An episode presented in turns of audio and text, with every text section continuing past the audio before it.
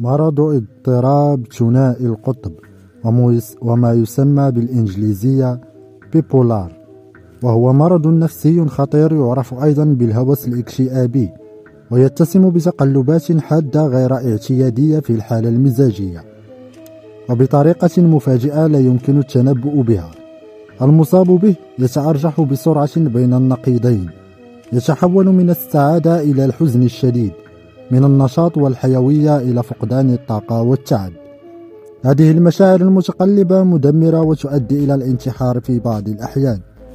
ويتعرض المصاب لنوبات هوس أو تهييج مزاجي حاد تستمر ما بين أسبوع إلى أسبوعين.